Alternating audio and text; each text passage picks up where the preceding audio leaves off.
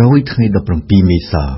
1975នឹងបន្ទាប់ពីចេញពីព្រៃជួលមកដល់ភ្នំពេញវិញអស់ហើយពួកមេខ្មែរក្រហមផ្ដើមពង្រឹងអំណាចរបស់ពួកគេជាបន្តនឹងយ៉ាងលឿនរហ័សគឺជាការមួយចាំបាច់ហេតុអ្វីគូគូបញ្ជាក់ថាពេញមួយសម័យសង្គ្រាម ពួកមេខ្មែរក្រហមដាក់ទីស្នាក់ការនៅប៉ែកខាងជើងនៃប្រទេសហើយពីទីនោះ ពួកគេចេញបញ្ជានយោបាយយុទ្ធសាស្ត្រនិងយោធាឲ្យពួកលេខាបកប្រចាំនៅភូមិភាគនីមួយៗអនុវត្តមានភូមិភាគទាំងអស់6ហើយលេខាភូមិភាគទាំង6គឺតាមុកនៅនិរដីសោភឹមនៅបូព៌ាញឹមរស់នៅពីយប់កុយធួននៅឧដរណៃសារ៉ាន់នៅអេសាន និងវនវេតនៅភូមិភាគពិសេសជុំវិញភ្នំពេញ នៅភ្នំពេញមួយសម័យសង្គ្រាមលេខាភូមិភាគទាំង6នាក់នេះคล้ายបន្តិចម្ដងបន្តិចម្ដងជាស្ដេចក្រាញនៃដែនដីរបស់ពួកគេត្បិតមានទូនាទីជាអ្នកដឹកនាំនយោបាយផងនិងជាមេតបផងម្ល៉េះហើយក្រោយថ្ងៃ17មេសា1975ពួកមេខ្មែរក្រហមក្រោមការដឹកនាំរបស់សាឡុតសត្រូវប្រែក្លាយយ៉ាងលឿនរហ័ស ភ្នំពេញឲ្យទៅជាទីបញ្ជាការកណ្ដាល ទៅជារដ្ឋធានីនៃរបបថ្មី ទៅជាដង្ហើមជីពចរនៃបដិវត្តដំណាក់កាលទី2នោះគឺកសាងនឹងការពីប្រទេសសម្រាប់ពួកសលុតសនួនជា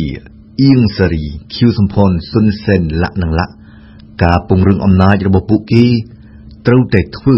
មុនការប្រកាសបង្កើតរបបថ្មី ម្ល៉េះហើយយោងទៅតាមប្រវត្តិវិទូ David Chandler នៅខែតុលាឆ្នាំ1975មេខ្មែរក្រហមចំនួន13នាក់បែងចែកគ្នាការងារដែលត្រូវធ្វើ និងតួនាទីដែលត្រូវកាន់កាប់ទី1គឺសឡុតសដែលទទួលបន្ទុកកិច្ចការសេដ្ឋកិច្ចនិងការពារជាតិទី2គឺនួនជាដែលទទួលបន្ទុកកិច្ចការបកទី3គឺអៀងសេរីដែលទទួលបន្ទុកកិច្ចការបរទេស ទី4គឺខៀវសំផនដែលទទួលបន្ទុកកិច្ចការទំនាក់ទំនងជាមួយរណសិរ្សរូបរួមជាតិពូលគឺទំនាក់ទំនងជាមួយសម្ដេចសៀនុដែលនៅខែតុលាឆ្នាំ1975នោះមិនទាន់យាងពីប៉េកាំងមកកាន់កម្ពុជាវិញនៅឡើយទេទី5គឺកុយធួនដែលទទួលបន្ទុកកិច្ចការពាណិជ្ជកម្មក្នុងស្រុកនិងក្រៅស្រុក ទី6គឺសុនសេនដែលទទួលបន្ទុកកិច្ចការសន្តិសុខនិងកិច្ចការកងទ័ព ទី7គឺវ៉ុនវេតដែលទទួលបន្ទុកកិច្ចការឧស្សាហកម្មផ្លូវដែកនិងនេសាទទី8គឺសឿវ៉ាស៊ីដែលទទួលបន្ទុកកិច្ចការការិយាល័យនយោបាយរបស់គណៈកម្មាធិការមជ្ឈិមបកទី9គឺណូនស៊ូនដែលទទួលបន្ទុកកិច្ចការកសិកម្មទី10គឺជីមសមោកដែលទទួលបន្ទុកកិច្ចការខុទ្ទកាល័យអត់មានបញ្ជាក់ទេថាជាខុទ្ទកាល័យរបស់អ្នកណាតែប្រហែលជាខុទ្ទកាល័យរបស់សាឡុតស ទី11គឺសឿមសុនដែលទទួលបន្ទុកកិច្ចការព័ត៌មានរបស់គណៈកម្មាធិការមជ្ឈិមបកទី12គឺខៀវធីរិតប្រពន្ធអៀងសារីដែលទទួលបន្ទុកកិច្ចការសង្គមនិងទី13គឺយុនយ៉ាតប្រពន្ធសុនសែនដែលទទួលបន្ទុកកិច្ចការវប្បធម៌និងអប់រំជារួមរហូតដល់ថ្ងៃប្រកាសរបបថ្មី ដែលនៅទីបំផុតប្រព្រឹត្តទៅនៅថ្ងៃ14មេសា1976 នៅក្រៅផ្លូវការមេខ្មែរក្រហមទាំង13នាក់ខាងលើដែលលាក់មុខក្រោយពីអង្គការជាអ្នកកាត់ចង្កូតប្រទេសកម្ពុជារាជាផ្លូវការវិញរហូតដល់ថ្ងៃ14មេសា1976ដដែល កម្ពុជារបស់ខ្មែរក្រហមបន្តហៅខ្លួនឯងថាជារដ្ឋាភិបាលរួបរួមជាតិកម្ពុជា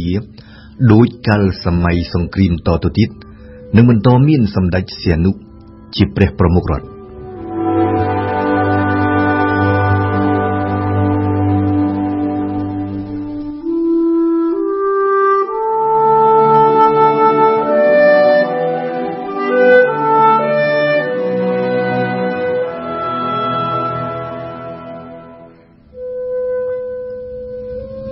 ដោយឡែក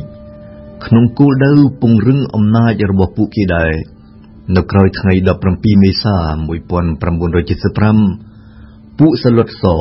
នួនជាអៀងសេរីខៀវសំផនសុនសែនលក្ខនឹងលក្ខចាត់ចែងបង្រួបបង្រួមកងទ័ពទាំង6ភូមិភាគឲ្យទៅជាកម្លាំងជាតិតែមួយក្រោមបញ្ជាការតែមួយ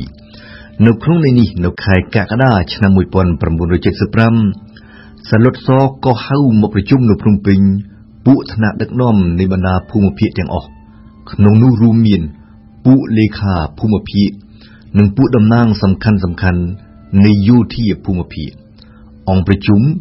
រវាងក្រុមមេដឹកនាំថ្នាក់ជាតិនិងពួកក្រុមមេដឹកនាំថ្នាក់ភូមិភាគអនុម័តសេចក្តីសម្រេចចិត្តធំធំពីរទី1អំណាចកណ្ដាលនៅភ្នំពេញ ស្រូបយកទ័ពភូមិភាគអស់2ភាគ3រីឯ1ភាគ3ទៀតក៏ត្រូវស្ថិតនៅក្រោមបញ្ជាការរបស់អំណាចកណ្ដាលដែរតែបន្តឈរជើងនៅតាមបណ្ដាភូមិភាគទាំង6តទៅទៀតចំណែកសេចក្តីសម្រេចចិត្តទី2វិញដែលចេញពីអង្គប្រជុំដ៏សំខាន់នៅខែកក្កដាឆ្នាំ1975នោះគឺការពុះបែងចែកឡើងវិញព្រំដែននៃភូមិភាគនីមួយៗ ដែនដីទាំងមូលនៃប្រទេសកម្ពុជាត្រូវបែងចែកជា7ភូមិភាគវិញ មិនមែន6ដូចមុនទៀតទេ ទី1គឺភូមិភាគនិរដី ដឹកនាំដោយតាមុក ទី2គឺភូមិភាគបូព៌ាគ្រប់គ្រងដោយសោភឹមទី3គឺពីយប់ដែលមានញឹមរស់ជាលេខាភូមិភាគទី4គឺភូមិភាគកណ្ដាលបង្កើតថ្មី ដោយមានទីតាំងនៅត្រង់ភូមិភាគឧត្តរចាស់ និងដឹកនាំដោយកែពក ទី5គឺភូមិភាគឧត្តរដូរពីទីតាំងឧត្តរចាស់ទៅដាក់នៅដែនដីសៀមរាបឧត្តរមានជ័យនិងព្រះវិហារភូមិភាគនេះដឹកនាំដោយកុយធួនរហូតដល់ឆ្នាំ1976និងក្រោយមកទៀតដោយកងចាបក្រោយពីកុយធួនត្រូវទទួលតំណែងជារដ្ឋមន្ត្រីក្រសួងពាណិជ្ជកម្មទី6គឺភូមិភាគបច្ចិមបង្កើតថ្មី និងដែលមានជូចេតជាលេខា ទី7គឺភូមិភាគអេសាន គ្រប់គ្រងដោយណៃសារ៉ាន់រហូតដល់ខែកញ្ញា ឆ្នាំ1976និងក្រោយមកទៀតដោយមែនសាន ក្រោយពីណៃសារ៉ាន់ត្រូវចាប់ខ្លួន និងត្រូវឃុំខ្លួនហើយត្រូវសម្លាប់ចោលនៅគុកទួលស្លែងរាជភូមិភាគពិសេសជុំវិញភ្នំពេញ ដែលមានវ៉ុនវេចជាមេដឹកនាំរហូតដល់ខែកក្កដាឆ្នាំ1975ត្រូវរំលាយចោលស្រូបយកម្នាក់បន្តិចម្នាក់បន្តិច ដោយភូមិភាគកណ្ដាលបូព៌ានិរដីនិងពេជ្រជារួមនៅចុងឆ្នាំ1975ប៉ុន្មានខែប៉ុណ្ណោះក្រោយថ្ងៃមហាជោគជ័យរបស់ខ្មែរក្រហមសលុតសច្បាស់ជាមានមោទនភាពខ្លាំងម្យ៉ាងពីព្រោះខ្លួនបានទាញបកកុម្មុយនីសកម្ពុជា ពីភាពងងឹតស៊ុនស៊ុងមកជាបកក្តាប់អំណាចរដ្ឋក្នុងរយៈពេលតែ12ឆ្នាំប៉ុណ្ណោះគឺពីឆ្នាំ1963 រហូតដល់ឆ្នាំ1975ម្យ៉ាងទៀតពីព្រោះខ្លួនបានច្របាច់បញ្ចូលគ្នាដោយជោគជ័យកងទ័ពភូមិភាគទាំង6ឲ្យទៅជាកងកម្លាំងជាតិតែមួយនៅចុងឆ្នាំ1975នោះសិលុតសច្បាស់ជាជឿជាក់ខ្លាំងលើខ្លួនឯងត្បិតបានពង្រឹងអំណាចរបស់ខ្លួននៅក្នុងជួរបកនិងបានពង្រឹងអំណាចរបស់បកដើម្បីចាប់ផ្ដើមត្រួតត្រាប្រទេសទាំងមូល នៅក្នុងដំណាក់កាលនៃការកសាងប្រទេសនិងការពីជាតិក៏ប៉ុន្តែ តាមរយៈការបន្តទុកឲ្យមានភូមិភាគនានាក្នុងនាមជាដែនរដ្ឋបាល និងជាដែនអំណាចដាច់ដោយឡែកពីគ្នាតទៅទៀតបែបនេះ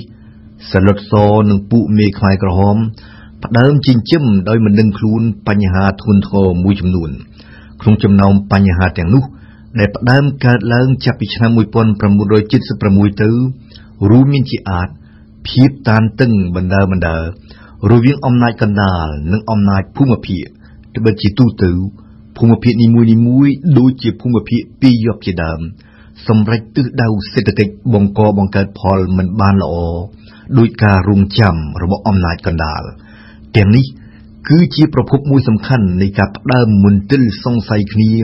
រវាងពួកមេខ្មែរក្រហមនិងក្រោយមកទៀតជាបុព្វហេតុមួយសំខាន់ នៃការផ្ដើមកាប់សម្លាប់គ្នា រវាងពួកមេខ្មែរក្រហម តាមរយៈការបោះសម្អាតផ្ទៃក្នុងបកចាប់ពីចុងឆ្នាំ1976ទៅ យើងនឹងវិលមកនិយាយពីប្រធានរឿងនេះនៅពេលក្រោយទៀត